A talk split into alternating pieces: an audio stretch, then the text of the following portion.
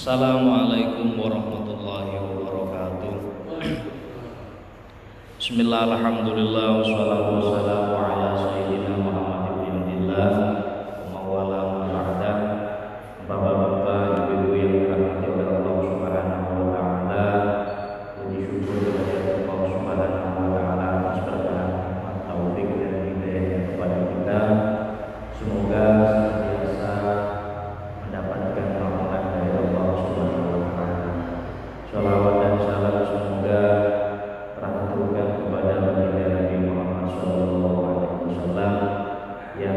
tetap menjadi suri tauladan agung bagi kita dan semoga kelak kita dikumpulkan bersama baginda Nabi di surga Allah Subhanahu wa taala. Pertama-tama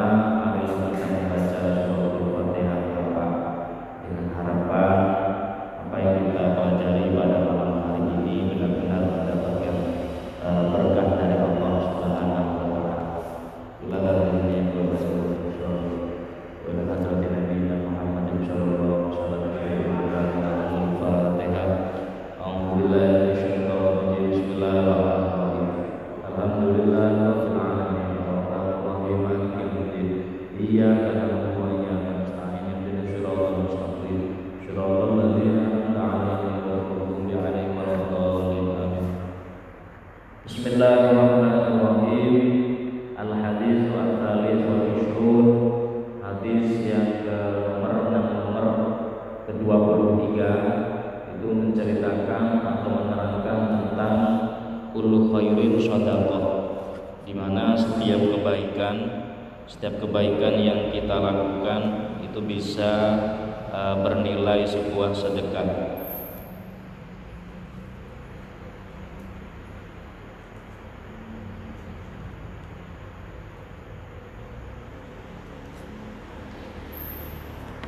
Bismillahirrahmanirrahim.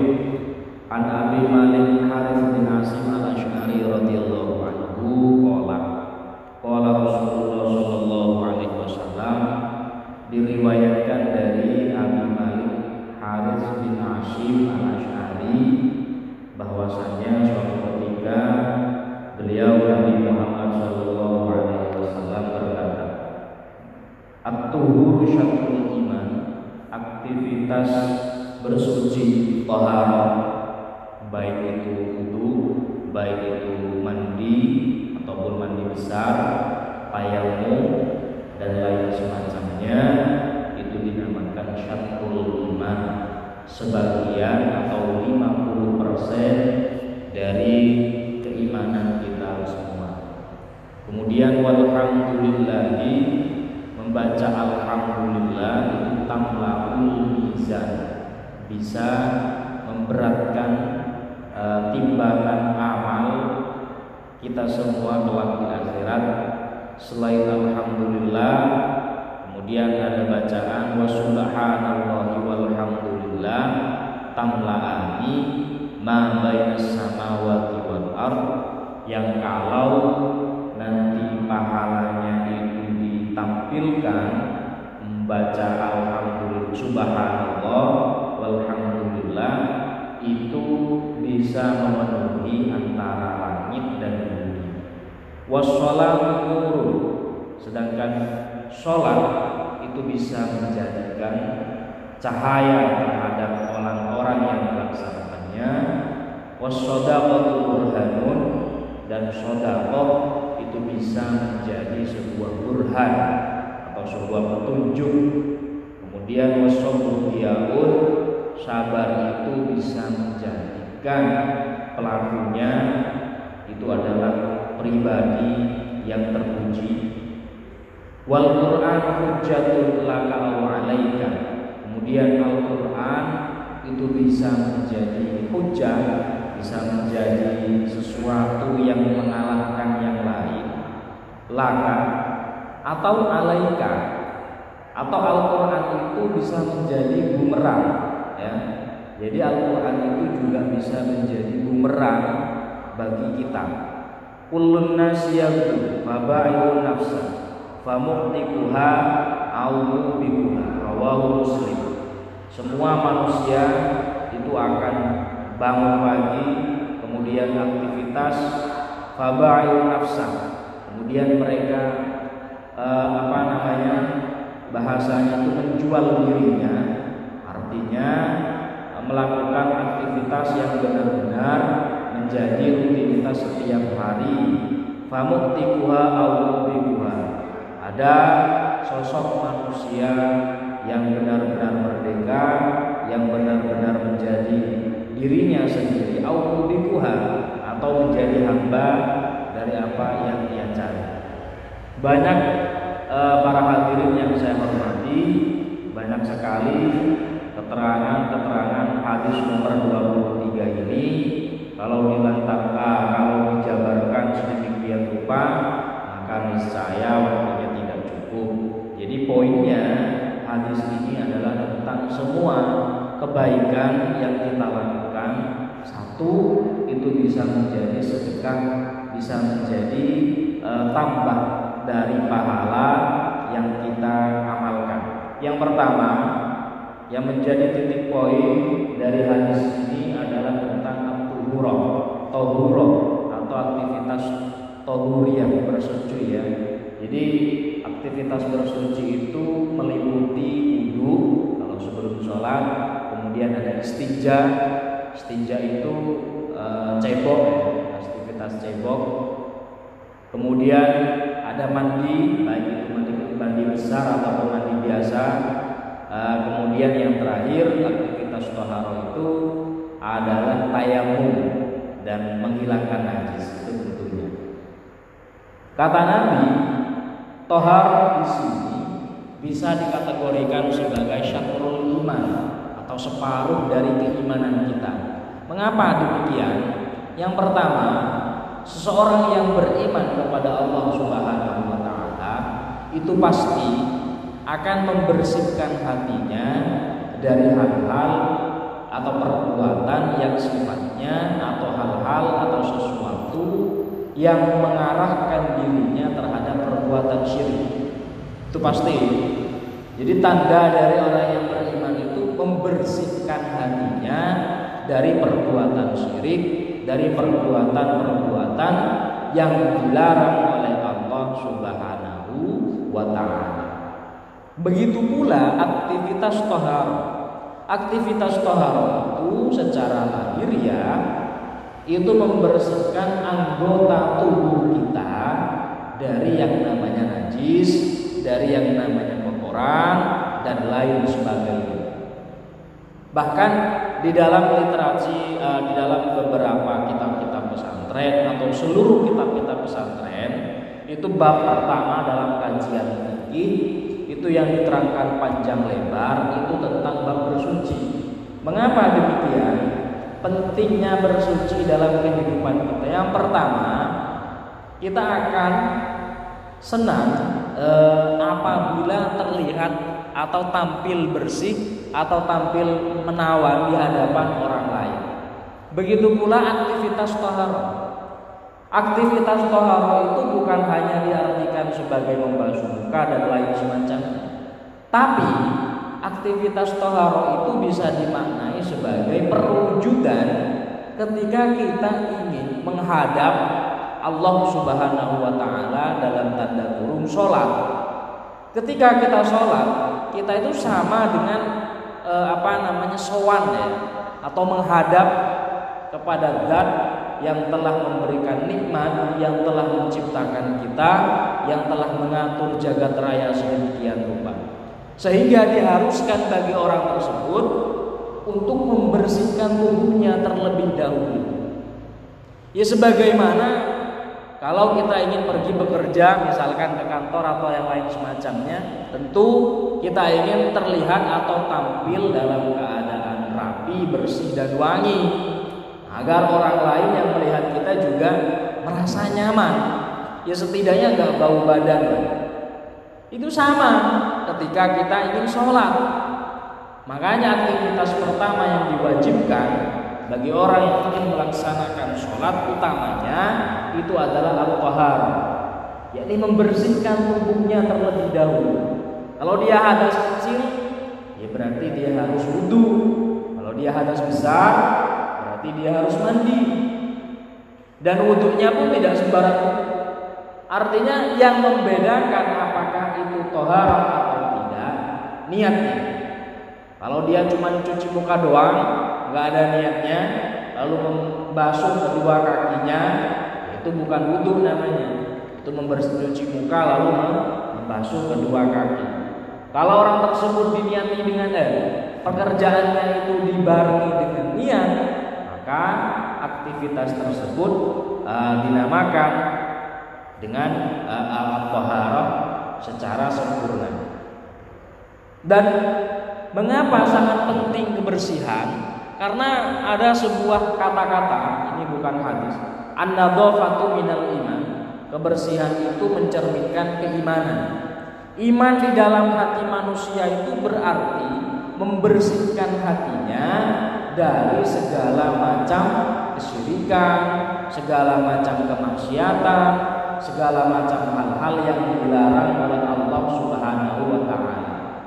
Begitu pula kebersihan dohir, kebersihan tubuh kita itu berarti membersihkan anggota tubuh kita dari hal-hal yang tidak diinginkan, baik itu sifatnya kotoran ataupun sifatnya najis. Bahkan bahkan seorang jenazah. Nah, jenazah itu kalau dia belum dimandikan kok sudah di dalam kuburan itu hukumnya wajib digali kembali. Wajib itu digali kembali jenazah tersebut untuk dimandikan lagi saking dari pentingnya aktivitas tohar seorang jenazah yang sholatnya saja sudah dihentikan taklif beban kewajiban dalam hidupnya itu sudah tidak ada lagi. Kalau dia sudah dikebumikan, tapi kok dia ternyata belum dimandikan, jenazah tersebut itu wajib digali kembali lalu dimandikan ulang. Beda kalau jenazahnya belum disolati misalkan, masyarakat lupa, mungkin karena kesusu dan lain semacamnya, sehingga sebelum disolati dia kok sudah diberangkatkan ke tempat peristirahatan terakhir. Nah itu nggak nggak wajib, nggak wajib diulangi lagi. Artinya nggak wajib digali untuk disolati karena sudah selesai. Tapi kalau jenazah ini belum dimandikan, dia wajib digali ulang, diambil kembali, dimandikan terlebih dahulu sesuai dengan tata cara syariat. Saking dari pentingnya uh, kebersih kebersihan. Kan kebersihan itu bisa mencerminkan pribadi kita. Kemarin kalau Bapak-bapak ibu-ibu melihat uh, tayangan Piala Dunia, kita menaruh respect terhadap supporter Jepang ya. Nih. Supporter Jepang itu pasti setelah melaksanakan apa namanya lihat pertandingan, stadion itu bersih, tempat ganti, ruang ganti pemain itu bersih. Itu orang Jepang itu walaupun tidak tahu dalil an-nadhafatu minal iman, tapi mereka sudah mencerminkan kebersihan sejak dimulai dari perilaku sehari-hari. Jadi Allah Ta'ala itu al-jamil yuhibbul jamal. Allah Ta'ala itu maha indah, maha bersih dan mencintai keindahan serta kebersihan. Oleh karena itu di dalam kitab fikih yang diajarkan pertama kali itu bukan sholat, bukan zakat, bukan puasa, bahkan apalagi haji bukan apalagi perang bukan. Tapi yang diajarkan pertama kali di dalam kitab fikih itu toharoh. Ya aktivitas membersihkan tubuh, membersihkan diri, membersihkan lingkungan, membersihkan kawasan RT RW dan lain semacamnya. Itu tiada lain tujuannya agar ketika kita membersihkan hati kita dari perbuatan hasud, dengki, iri dan lain semacamnya itu lebih mudah. Lagi mana hati kita mau bersih, om kita setiap harinya jorok kok gitu. Gimana hati kita bisa bersih, mudah membersihkan hati kita dari perbuatan iri dengki. Mau mandi saja malas kok. Mau cuci baju aja malas kok dan lain semacam. Itu cerminan. Cerminan mengapa Allah Ta'ala menekankan kita untuk selalu melakukan aktivitas bersih-bersih. Innahum unasu yatahharun. Mereka-mereka adalah manusia yang cinta dengan kebersihan, yang cinta dengan keindahan, keindahan. Bayangkan sendiri misalkan, kalau Anda sholat jamaah di sini, masjidnya misalnya banyak kotorannya, kemudian tempat wudhunya bau besi, kemudian halamannya juga tidak tertata dengan baik. Jangankan mau jamaah, mau nyun sewu, mau ke masjid aja rasa-rasa gitu. Karena dilihat udah gak enak. Tapi kalau tempatnya enak, tempatnya bersih, tempatnya mencerminkan bagaimana Islam itu memang mengajarkan kebersihan, maka itu akan menjadi daya tarik tersendiri. tersendiri. Makanya Allah Ta'ala mengajarkan kepada kita kalau kalian ingin menghadapku dalam tanda kurung sholat maka basuhlah wajah kalian lalu kedua tangan kalian usap rambut kalian lalu yang terakhir basuhlah kedua kaki kalian. Atau dalam uh, garis miring aktivitas wudhu. Bukan sekedar mencuci muka bukan. Jadi Allah Ta'ala mengajarkan supaya kita itu menjadi pribadi yang senang dengan kebersihan, kita senang dengan keindahan. Berikutnya, Nabi mengatakan tentang zikir di sini ya. Ada subhanallah alhamdulillah wala ilaha illallah Allahu akbar alhamdulillah subhanallah Allahu akbar dan lain semacamnya. Itu adalah zikir-zikir yang memang maksur Maksur niku zikir-zikir sing diajarakan dening Nabi Muhammad Shallallahu alaihi wasallam langsung. Jadi itu nggak perlu dalil lagi, dalilnya sudah saking Rasulullah. Mantun sholat, nopo kemawon, baca kalimat tersebut ikut. Makanya ketika tahlil itu biasanya imamnya bilang kalimatani habibatan ila rahman sakilatan ala lisan khafifatan fil mizan. Subhanallah walham subhanallah wa bihamdihi subhanallah itu adalah dua kalimat thaqilatani fil mizan bisa memberatkan timbangan kita kelak di hari kiamat. Khafifatani ala lisan. Ngucapakan subhanallah bihamdihi subhanallah azim. Itu enteng. Enteng sangat. Namun subhanallah bihamdi subhanallah apa sih beratnya? Enteng nih datang lesan itu buatan abot. Buatan seberat membaca Al-Quran buatan Khofifatani ala lisan sakilatani fil mizan habibatani ila rahman sing dipun senengi dening Allah Subhanahu wa taala. Mau pilih amal ibadah kula kali panjenengan kirang kata Mbok pilih mangke datang yaumul kiamat datang mahsyar ditimbang sing ngebot-ngebotaken datang timbangan kula kalih panjenenganku subhanallah wa bihamdihi subhanallah ilang ilang niku sing ngebot-ngebotaken bijing dados dikir-dikir sing sampunipun ajaraken dening Nabi Muhammad sallallahu alaihi wasallam. Atas subhanallah walhamdulillah wallahu akbar wala ilaha illallah dan seterusnya. Itu jangan sampai ditinggalkan. Minimal sekali dalam sehari pun. Minimal satu kali dalam sehari. Kalau mungkin terlalu berat cuman masuk alhamdulillah keberatan. Buatan ya alhamdulillah lima kali subhanallah lima kali. Atau mungkin karena kesusu mau ke mana. Bacalah sekali saja dalam 24 jam. Setidaknya dalam sehari ada lisan kita yang berpikir kepada Allah Subhanahu wa taala. Karena termasuk termasuk salah satu cara menggampangkan, memudahkan keluarnya ruh saat nazar. Tahu kalau kali panjenengan nazar, nazar niku nggih mendekati kematian. Niku salah satu yang memudahkan keluarnya ruh niku zikir niku. Salah satu yang memudahkan.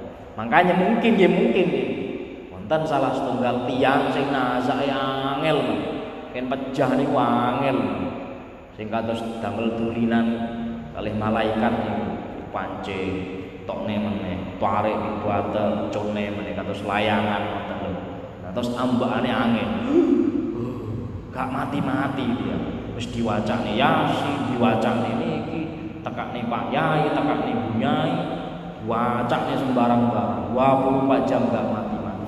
Bisa aja, mungkin bisa jadi. Tiang niku ajenge pecah. Lesane niku badhe maos Allah niku kangelan. Kangelan. Karena nggak terbiasa. Sing terbiasa mungkin nyun sewu jangkrik mungkin sing terbiasa. Wonten napa-napa jangkrik, wonten napa-napa jangkrik. Akhirnya kaget arep dicabut nyawane kali malaikat, misui malaikat. Oh jangkrik, wonten mungkin, mungkin, wonten mungkin. Itu dadat bisa menjadi sebuah attitude, kebiasaan. Mbok bilih kula lesan kula kali panjenengan dipun biasakan dikir minimal sekali dalam sehari niku insya Allah gampilaken oleh pun roh kula kali panjenengan medal. Terus sing dipun tilar niku enteng ngoten. Alhamdulillah boten boten susah ngoten boten nyusahaken boten dadosaken tiyang ingkang suul hati suul khotimah. Dimulai dari aktivitas toharoh kemudian e, dengan aktivitas dikir fa insyaallah kula kalih panjenengan dipun paringi e, napa niku? Husnul khoti husnul khotimah mugi-mugi kula kalih panjenengan pun dadosaken tiyang ingkang gampil oleh dzikir dhateng Allah Subhanahu wa taala. Kalian tiyang ingkang benar-benar bisa menjaga kebersihan lingkungan utamanya kebersihan hati. Nek tiang itu pun nopo remen bersih lingkungannya bersih piyambake. Insya Allah gampil oleh pun bersihakan mana itu. Ihdinas siratal mustaqim. Semanten saking kula wonten lepatipun kula nanti ngapunten ingkang kata akhirul qauli assalamualaikum